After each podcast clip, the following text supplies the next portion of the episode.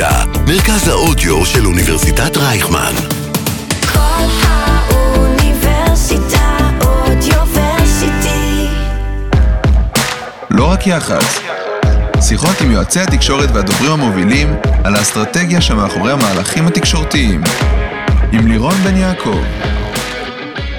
אהלן, ברוכות וברוכים הבאים לפודקאסט לא רק יח"צ, האסטרטגיה שמאחורי המהלכים התקשורתיים שמשודר באתר הרדיו הבינתחומי 106.2 FM.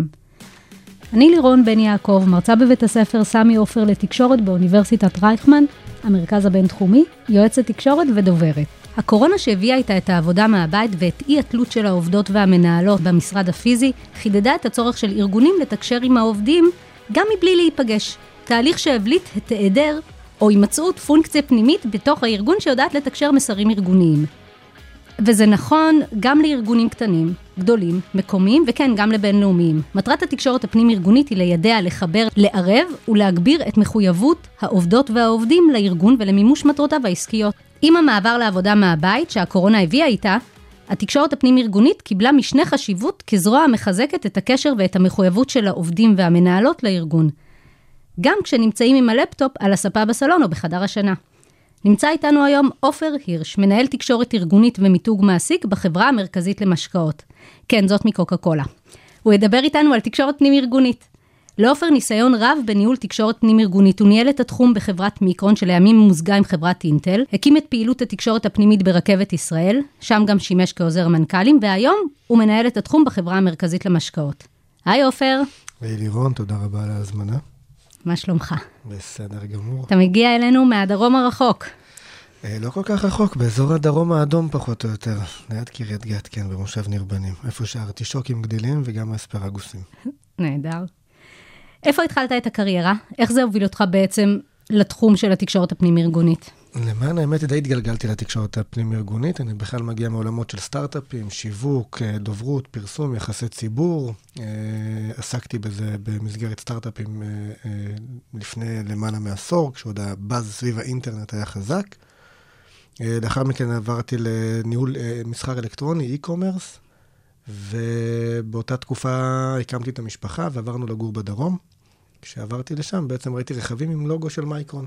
לא ידעתי מה זאת החברה הזו, אבל חיפשתי משרה בדרום, קרוב לבית.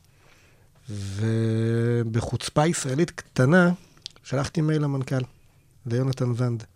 אמרתי לו, כתבתי לו, תראה, זה אני, זה היכולות שלי, זה הכישורים. עברתי לכאן, אם יש לך משהו בשבילי, לא משנה לי היקף המשרה או תחום המשרה, אני לרשותך. אה, כעבור שבועיים זומנתי לפגישה, והוא סיפר לי שהקורפורט מבקש להקים תקשורת ארגונית. ומשם די היסטוריה. התגלגלתי לתחום הזה, הקמתי אותו במייקרון ישראל, בהתאם להנחיות הקורפורט, מוזגנו עם אינטל, ו... אבל משם אני עוסק בזה, ואני כל יום מתאהב בתחום הזה מחדש. זה ממש לגעת באנשים ברמה היומיומית. מה למדת? אה, למדתי תואר ראשון במנהל עסקים, התמחות בשיווק, ותואר שני גם כן במנהל עסקים, התמחות בשיווק והתנהגות ארגונית. ובמאקרון בעצם, אחד מהאתגרים בשינויים בארגונים זה לתקשר את השינויים, נכון? עם המכירה לאינטל, אני מניחה שהייתה שם המון עבודה. אה, זאת, לא- זאת לא הייתה בדיוק מכירה, יש שם אירוע יותר מורכב, בעצם החלטה ניהולית של הקורפורט, אה, של ה-Headquarters, לסגור את המפעל בישראל עם דדליין. זאת אומרת, כולנו ידענו ששעון החול הולך ואוזל. מה ליום שמייצר. המון אי-ודאות וחשש בקרב העובדים. המון אי-ודאות, אה, המון אה, אה, מתח, כי בארגון עבדו לפעמים גם שני בני הזוג שגרו בדרום, אז גם היציבות התעסוקתית, הפרנסה וכיוצא בזה היו על כף המאזניים, כשגם נדרשנו להמשיך ולייצר. אז זה לא רק לדעת שיש סוף לתהליך, אלא לשמור על רמת ביצועי מאוד מאוד גבוהה. נדרשנו פה מצד אחד למצוא חלופות תעסוקתיות לעובדים, כדי להבטיח פרנסה ולפחות של אחד מבני הזוג במקרים מסוימים, ולהמשיך עדיין לייצר ברמה מאוד מאוד גבוהה, כי הייתה מחויבות ללקוחות. יחד עם זאת, גם לראות מה האפיקים, אה, כי עוד לא ידענו שאינטל תיקח את המפעל ואת העובדים, ל- ל- לאמץ אותם, אלא חיפשנו אלטרנטיבות כדי שהמפעל ימשיך ו- ו- ויתקיים. וכאן, בתוך אי-הוודאות הזו, בעצם מגיע התפקיד שלך. התפקיד שלי, כן, התפקיד, באירועים כאלה גדולים, התפקיד של תקשורת ארגונית הוא משולב עם, אה, עם גורמי הרווחה, עם ה-company benefits, עם ההנהלה, עם הדוברות.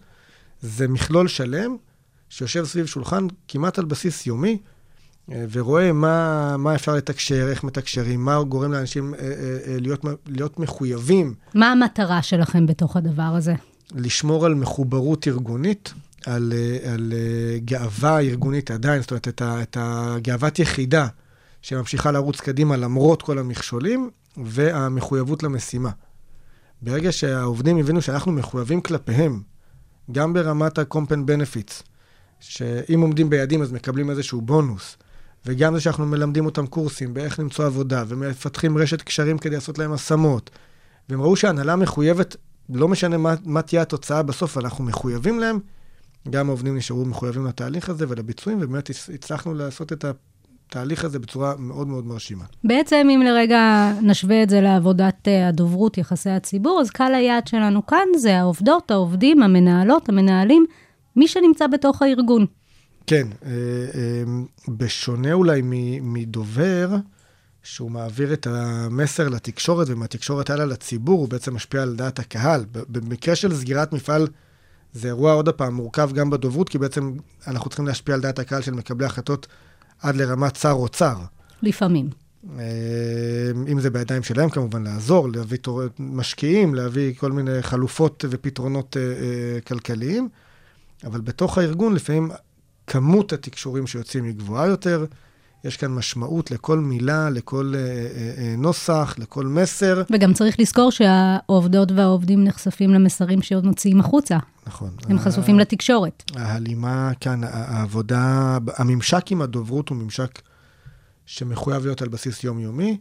בחלק מהמקומות, אה, בחלק מהארגונים זה, הם יושבים ממש ביחד, אה, ובמידה ולא, אז הממשק חייב להיות אה, ממשק הדוק. היום אתה מנהל את, אה, את התחום בחברה למשקאות. ספר לנו קצת על החברה למשקאות. חוץ מקוקה קולה, מה אז עוד? הח- אז החברה למשקאות בעצם היא ארגון ענק שחולש על מותגים אה, מאוד מאוד חזקים ב- בעולם המשקאות והמזון, אה, החל מקוקה קולה על שלל מותגיה, טרה, נביאות, משקר, אה, קרלסברג, יקב תבור, פריגת וכ- ועוד כל מיני מותגים אפילו קטנים יותר, מולר. איפה החברה יושבת? החברה בעצם ממוקמת מקריית שמונה ועד אילת. כשיש מפעלים, יש מרלוגים, המשרדים ממוקמים אה, באיירפורט סיטי, בבני ברק, שאת כולם, כולם כמובן מכירים את הלוגו של קוקה קולה כשנוסעים שם על הכביש ליד בני ברק, אה, וגם בפתח תקווה. אז בעצם מדובר בלתקשר לעובדות, לעובדים, למנהלות בכל הארץ. 4,000 פלוס מינוס, נכון? 4,700, 4,500 עובדים. למה החברה הזאת צריכה תקשורת פנים-ארגונית? בסופו של דבר, המטרה של החברה היא עסקית לגמרי, זה למכור לנו קוקה קולה.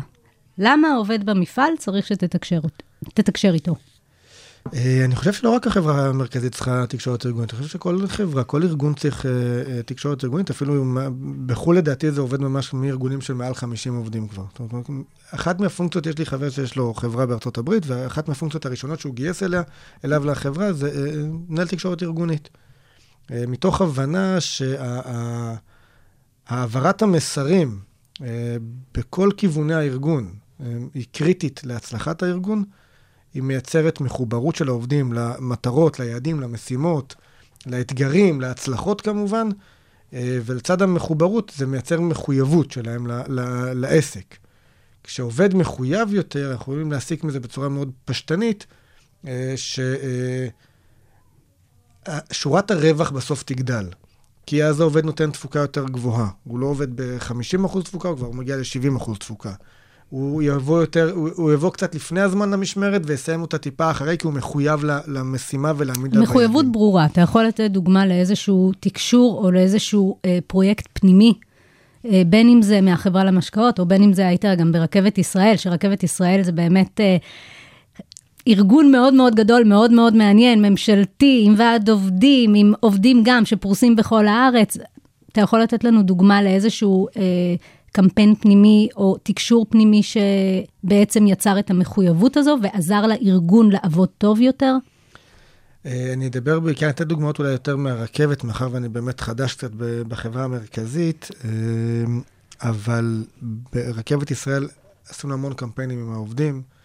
אה, כן, זה ארגון גם הוא פרוס מצפון עד דרום, כולם מכירים את כל האתגרים, גם כפופים לממשלה בצורה ישירה, נותנים שירות לציבור אה, אה, על בסיס יומיומי, עם, עם שלל אתגרים. גם מלבד. התקלות. אה, כמו כל דבר טכני יש תקלות. אנחנו, הש, השאלה היא לא אם יש תקלות, אלא איך יוצאים מהתקלות. בסדר? זה, זה המהות.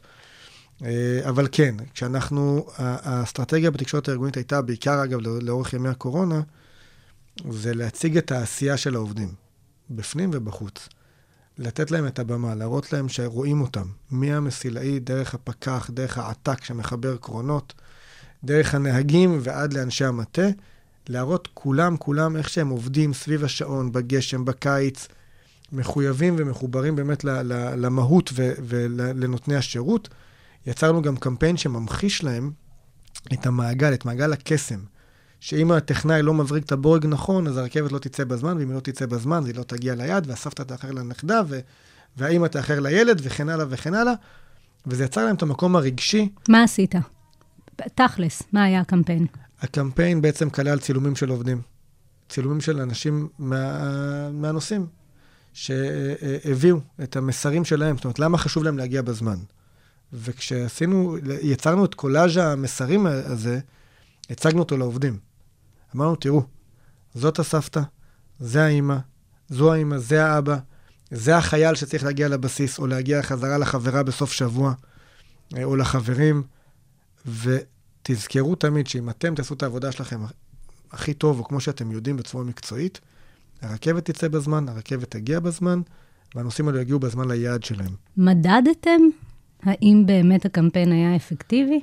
אה, מדד, תראי, מדד הדיוק של רכבת ישראל עלה בשנתיים האחרונות בצורה מטאורית. מ-80 ומשהו אחוזים אה, מדד דיוק ממוצע שנתי ל-90 ולדעתי 95 אחוזים. נכון, אפשר להתווכח פה על איך מודדים דיוק, או האם זה בתחנת ביניים, תחנת קצה, אבל, אה, ואגב, אני לא מתווכח פה עם אף אחד שנסע ברכבת, והיא בכלל לא רכבת, כי בסוף הדיוק אמנם הוא נתון סטטיסטי, אבל כשאני... בסוף הרכבת- זו חוויה סובייקטיבית של מי שמשתמש בשירות, כשהרכבת לגמרי. מאחרת לבן אדם אחד, מבחינתו זה 100% איחור. אה, אז, מדד, אז המדד אומר שכן, יש פחות תקלות, והמדד אומר שכן, יותר אנשים, אה, העובדים לפחות, מחויבים למשימות. אה, ורואים את זה בצורה אבסולוטית, ההירתמות שלהם, מספר ימי המחלה שלוקחים, אנשים פשוט מחויבים אחד לשני, זה פתאום התחיל להרגיש כמו יחידה צבאית שבעצם הם, הם, הם, הם לא מנצנצים אחד על השני, מאוד מחויבים לצוותים שלהם, לאנשים שלהם, למשימות, והם גם בעיקר יודעים לאן הולכים, מה המשך הדרך. ואני חושב שבארגונים, דיברנו על למה החברה המרכזית, אבל אמרתי שבעצם כל ארגון צריך. כשעובד, מעובד הייצור ועד למנהל, למנהל הבכיר, אם יודעים מה כוכב הצפון של הארגון, קל יותר להיות שם. אם אני הולך ואני לוט בערפל, אה, אה, אני לא יודע לאן הולכים, מה, מה זה אומר? למה... מה זה כוכב הצפון? זה החזון? זה הערכים? מה זה? זה החזון, הערכים, האסטרטגיה. זאת אומרת, לאן הולכים? אם עכשיו, נגיד, בחברה המרכזית עוברים הרבה אה, מוצרים לזירו, אבל זה חלק מהאסטרטגיה הארגונית. אם הרכבת מסתכלת על 2040, ופורסת את רשת המסילות, ואומרת, אנחנו נביא עוד מתחמים, ונעבור לחשמול, ונכפיל את המסילות, ונביא רכבות נוסעות מהר יותר, אני יודע לאן זה הולך. וכשאני יודע שאני היום ב-2022, כעובד, רק... מי שעובד היום ברכבת עדיין, יודע שבעוד 20 שנה הרכבת הזאת תהיה הפתרון המושלם לציבור בישראל, אז הוא יודע מה, מה המשמעות שלו.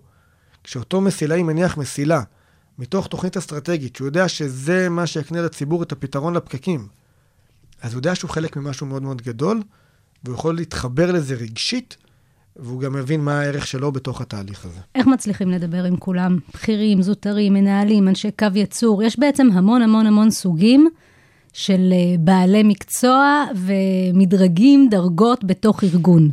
איך עושים את זה? אני חושב שאחת מהתכונות שהמנהל תקשורת פנים-ארגונית חייב להביא איתו לארגון זה אינטליגנציה רגשית. היכולת להתאים את עצמו בצורה, אה, אה, אני לא רוצה להגיד מושלמת, אבל כמעט מושלמת לכל אוכלוסייה. לדעת להיות אסרטיבי בישיבות ההנהלה, לדבר גבוה גבוה עם מקבלי ההחלטות. ובמקביל, או ממש דקה אחרי זה גם, לשבת עם אותו עובד יצור, עם, אה, לא יודע, לא רואים אותי ברדיו, אבל אני בדרך כלל מסתובב עם ג'ינס, נעלי בלנסטון, וגם יש לי פקל קפה באוטו. כי כשאני מגיע לשטח, אה, וגם עובדי הרכבת יכולים להעיד על זה, בזמן שהמסלעים עבדו, אז אני, אותו בחור מההנהלה במרכאות, עם לפעמים עם חולצה מכופתרת, הייתי יושב בצד, ליד המסילה, ומכין להם קפה. והייתי קורא להם להפסקה. זה כדי להוריד חסמים, אבל בסוף אתה צריך להעביר להם את המסרים של הארגון. איך אתה לוקח את אותו מסר ומפרק אותו לקהלי היעד השונים? אז אני... וזה לא תמיד אותו מסר, לפעמים זה מסרים שונים עם מטרות שונות כדי להניע אותם, כמו גם לייצר את המחוברות, המחוברות מתוך מקום אחר. אז כאן אני חשוב לי להדגיש. ראיתי את זה גם בארגונים אחרים, ואני רואה את זה גם בארגונים שלי, לפעמים גם אני חוטא בזה.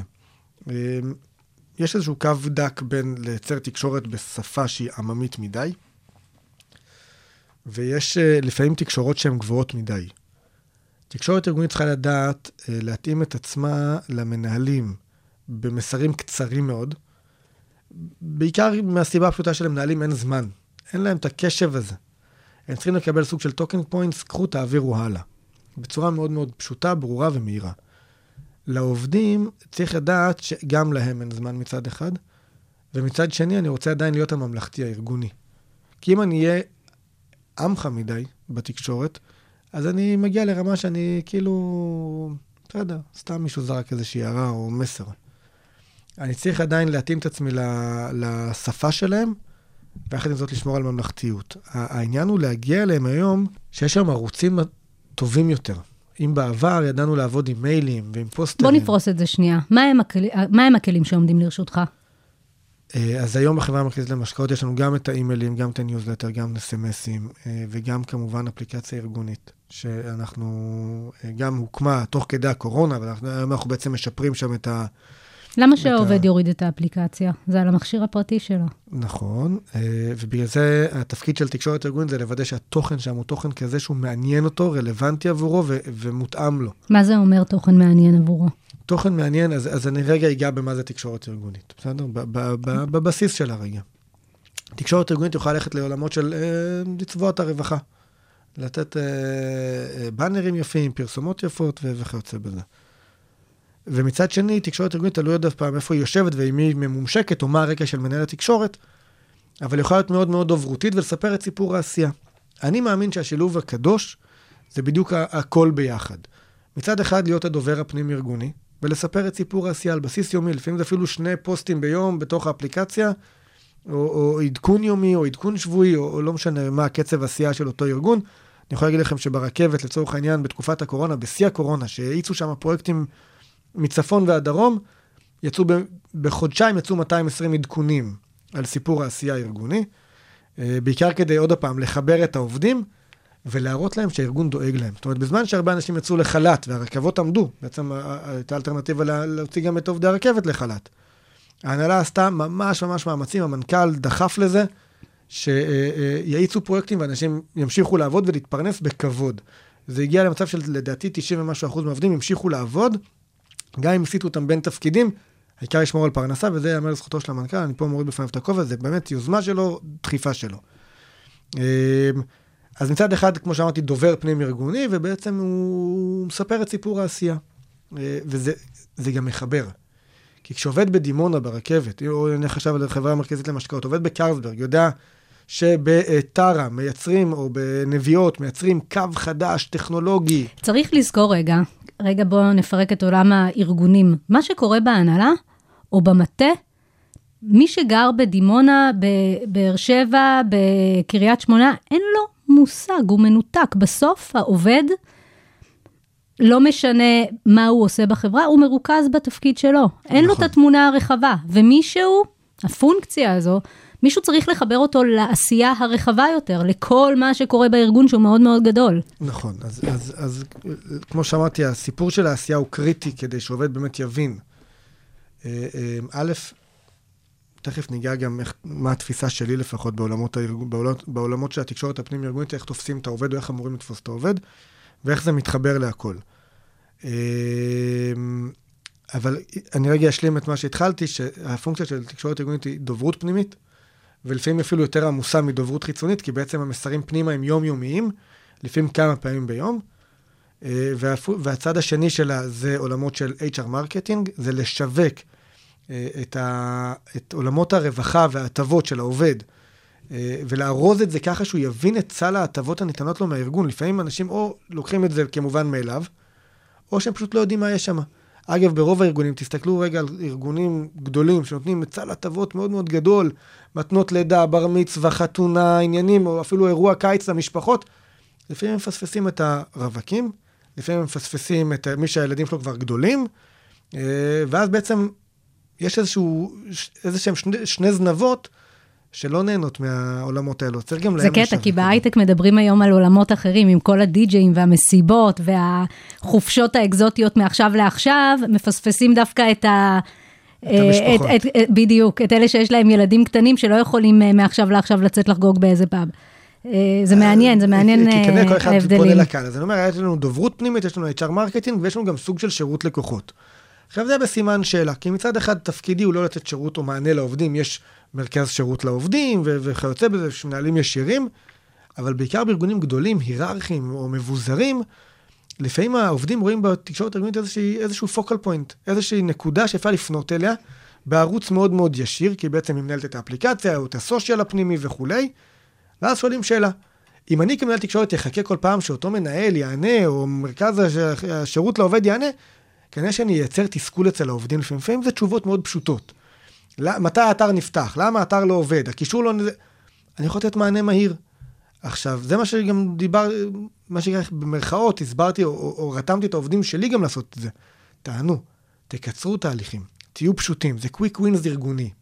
ו... וזה חלק מהמתכונת לנצח או, או, או להיות משמעותיים בארגון.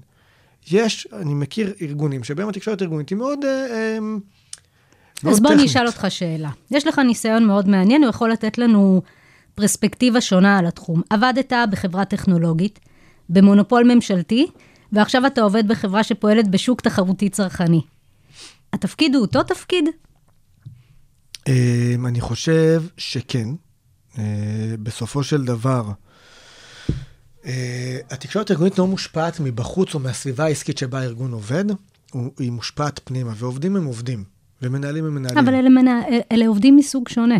כשאני מדברת על עובד רכבת, זה עובד מבועד, זה עובד שדואגים לו יותר, זה מונופול. לעומת כשאני מדברת על חברה כמו מיקרון, או החברה המרכזית למשקאות, אלה חברות מסוג שונה, אלה עובדים מסוג שונה. כשעברתי מההייטק לרכבת אמרו לי, מה, איזה מעבר חד. וכשעברתי עכשיו מארגון ממשלתי לארגון עסקי, אמרו לי, מה, הנה, עכשיו אתה עובר לארגון העסקי, לארגון עסקי, צעיר, קליל, עניינים. אמ, בסוף בסוף, או בהתחלה בהתחלה, כולנו פה ישראלים. בבסיס שלנו, אנחנו ישראלים, אנחנו, יש לנו את אותם רגשות, את אותם אה, אה, מניירות, את אותה... זה התרבות שלנו. עכשיו, לא משנה אם אני עובד עכשיו בגוגל, או באינטל, או במייקרון, או בסטארט-אפים, או ברכבת, או לא משנה איפה, בסוף אנחנו מונעים מאותם דברים. אה, נכון, יש לפעמים פערי השכלה בארגונים, בסדר? אה, אה, כנראה שהרמה ההשכלתית ההתחלתית בארגוני הייטק או סטארט-אפים היא גבוהה הרבה יותר לעומת ארגונים תעשייתיים, וזה מובן מאליו. אז אולי השיח צריך להיות אחרת, אבל בסוף העובד מונע מאותו רגש. אני יכול להגיד לך שלדעתי, האישית אגב מאוד, כשעובד נותן שירות במגזר ציבורי, אה, הוא מרגיש אה, שליחות הרבה יותר גבוהה. הוא, הוא פועל ממנוע, המנוע שלו אחר. הוא פועל מהלב. זה לא רק כסף, ולא רק אתגר טכנולוגי. יש לו כאן תחושה של שליחות. שהוא חלק ממשהו גדול יותר. כשעובד רכבת נכנס, המשפט הראשון שהוא שומע, זה מי ש- משישי הקרוב, לא יפסיקו לשאול אותך על הרכבת. זה משהו שמעניין את הציבור, והם גאים להיות השגרירים של הארגון, והם מחוברים ל- ל- למסילה, לקטר, ו- וכשכותבים עליהם משהו רע ב- ב- בתקשורת או בסושיאל, הם, הם נפגעים עד עמקי נשמתם, והם גם יודעים שזה לא בידם תמיד, אם יש תקלה במנוע, יש תקלה במנוע. ומי שבסוף מושפע מהתדמית הזו, זו העובדים. בוודאי. אבל בוא אני אשאל אותך, מה האתגר הכי גדול שאתה מתמודד איתו, כמנהל תחום של תקשורת פנים-ארגונית? לכל מי שנמצא בארגון מעל איקס שנים, אני חושב שקשה לקבל את, ה, את הצורך בלמה לתקשר בכלל. עכשיו, אני גם רואה את זה בהבדלים בין דורות. כן, מי שהוא מנהל מגיל מסוים, או, או, אני לא, לא רוצה להיכנס רגע לגיל, אנשים שמגיעים מתרבויות מסוימות לא, לא מבינים למה צריך בכלל לדבר עם עובדים. אה, ו- ו- ואם כבר לדבר על זה top down, זאת אומרת, אה, הודעת המנכ"ל, סוג של מגאפון כזה שהוא צועק את המסר של המנכ"ל. אה, ואני חושב שזה זה אחד האתגרים היום של רוב מנהלי התקשורת הפנים-ארגוניים.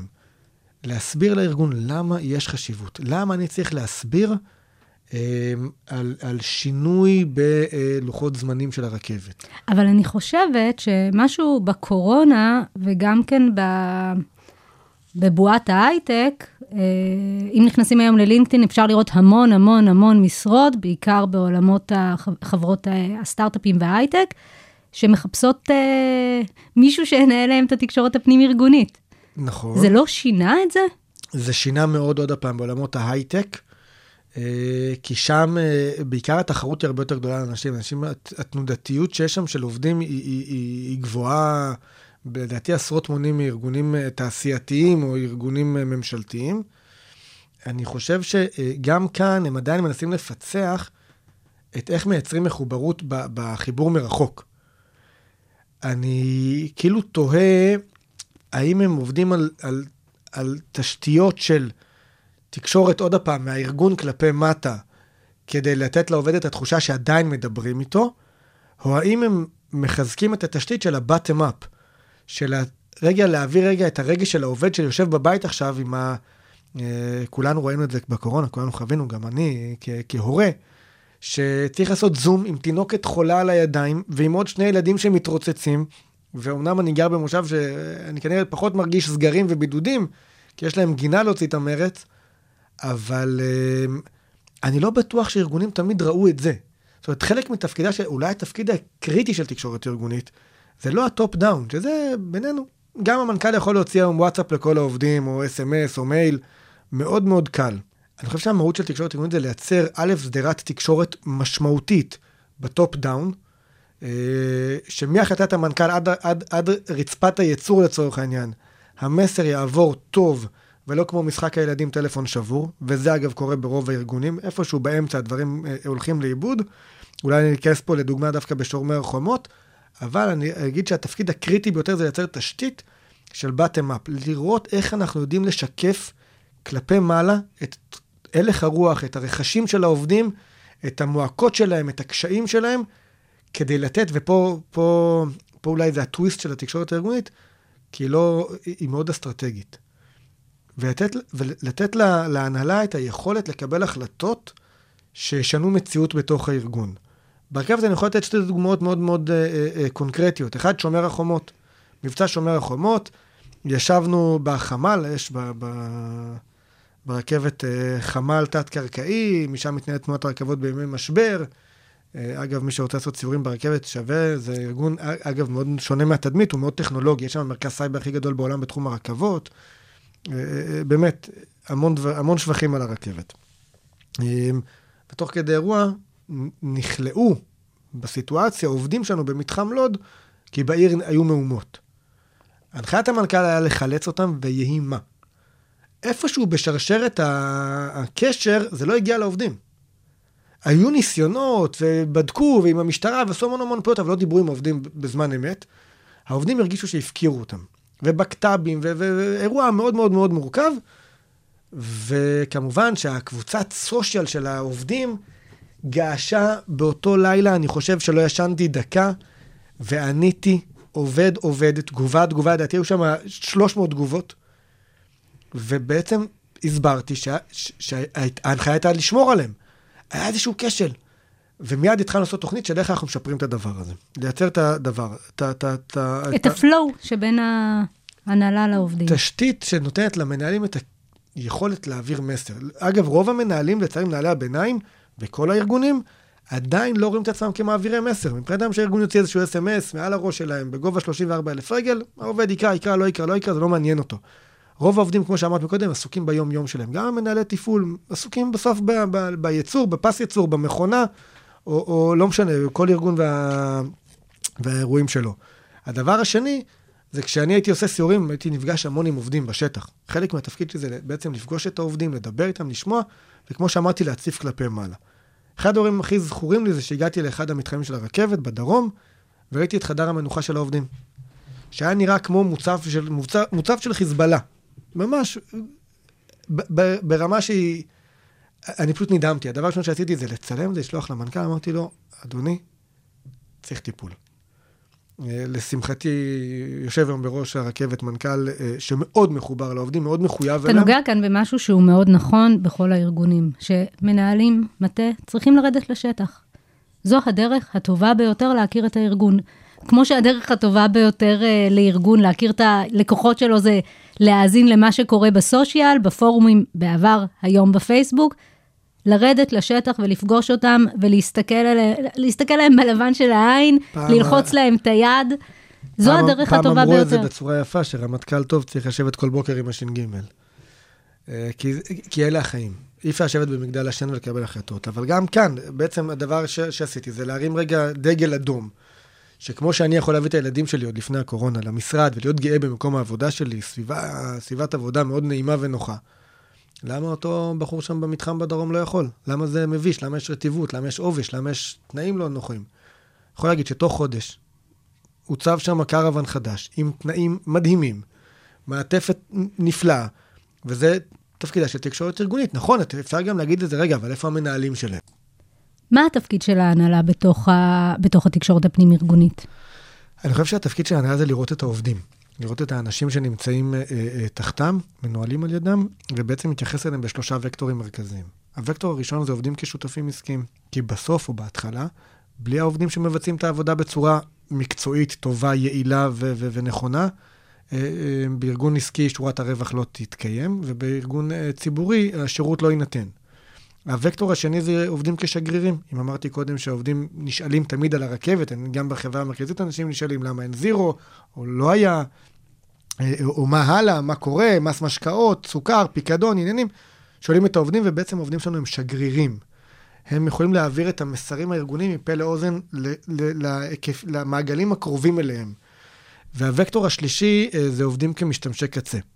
דהיינו, אם גם אני... הם לקוחות. בדיוק. אם אני כעובד רכבת, או, או כעובד החברה המרכזית למשקאות, ראיתי פגם בשירות או במוצר, ואני יכול להתריע בלחיצת כפתור להנהלה, וזה מטופל מיד, הרי הלקוח ירוויח מזה. ואם הלקוח מרוצה, החברה מרוצה והחברה מרוויחה מזה. תחום התקשורת הארגונית מצריך בעצם כישורים והרבה ידע. הוא נע בין משאבי אנוש לדוברות ולשיווק. איפה התחום הזה יושב בחברה למשקאות?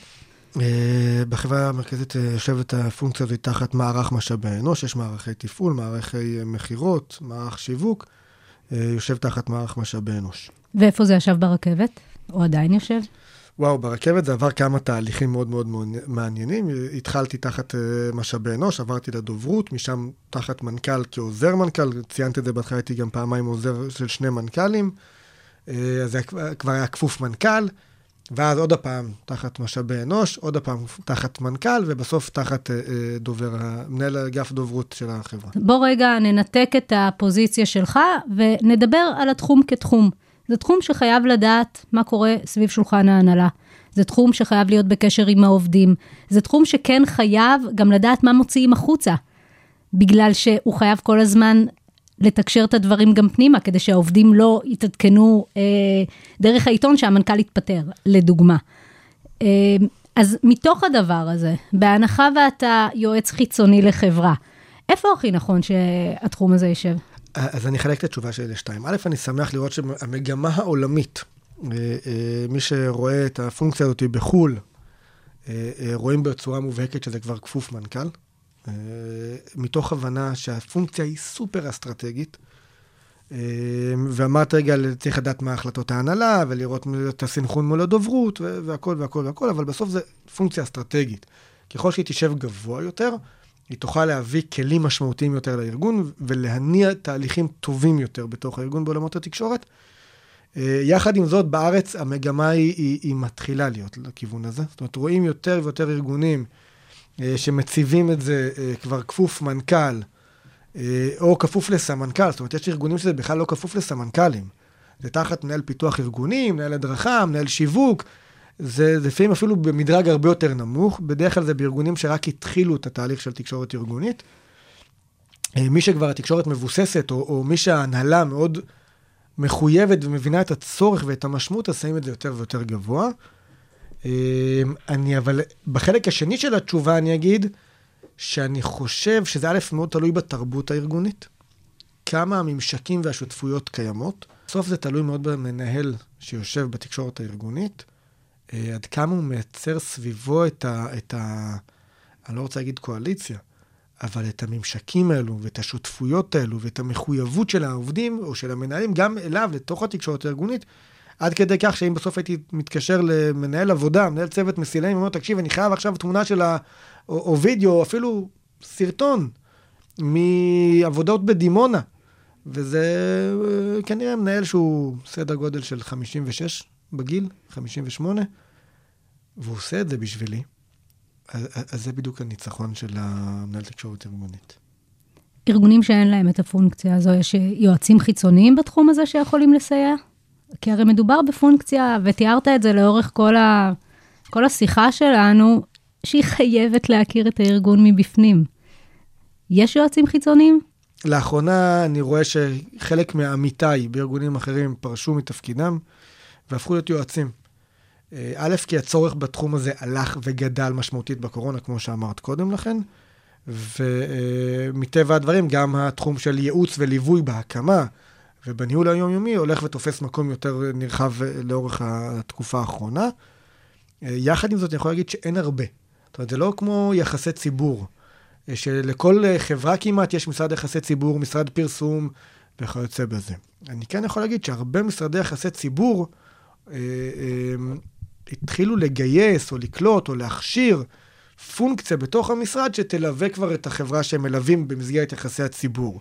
אני כן יכול לשים פה סייג, שבן אדם שגדל לתוך, לתוך יחסי ציבור, או בתוך משרד יחסי ציבור, ונתן שירותי דוברות, אה, או, או יחסי ציבור, אה, הוא ידע יותר לעזור בניסוחים. הוא ידע אולי לתת את הבריף הנכון. לדייק את המסר. בדיוק, אבל הוא לא ידע לקלוע לתרבות הארגונית, ורואים את זה בצורה מובהקת. גם אני ברכבת עבד, עבדתי מול משרדי הפרסום הגדולים ביותר בארץ, אה, ולפעמים הם עדיין חושבים כאילו זה יחסי ציבור פנים-ארגוניים. ו- ואני רוצה לשים פה מה שנקרא לא סימן קריאה, אני רוצה לשים פה את זה בבולד, במרקר עם אנדרליין. תקשורת פנים-ארגונית, אסור שתהיה יחסי ציבור של ההנהלה. אסור שהיא תהיה משרד הפרסום של משאבי אנוש. היא צריכה להיות יועץ בתוך הארגון, גוף יועץ מלווה אסטרטגי להנהלה. היא צריכה להיות האיפכא מסתברא של ההנהלה. ואם לפעמים המנהלים מקבלים החלטות רציונליות, אז לבוא ולהגיד, חברים, יש כאן אירוע רגשי גם, וצריך לדעת איך לגעת בעובדים, ואם יש שינוי ארגוני, אה, משינוי אה, אסטרטגי, דרך חלילה צמצום כוח אדם, אה, או, או, או באמת, יש, יש אירועים שהם קשים בארגונים לפעמים. צריך לדעת איך להסביר. מי ששומע אותנו יכול לחשוב, וואלה, מעניין. גם אני רוצה. מה צריך ללמוד בשביל זה? אין היום לימודים מאוד טובים לתחום הזה באקדמיה.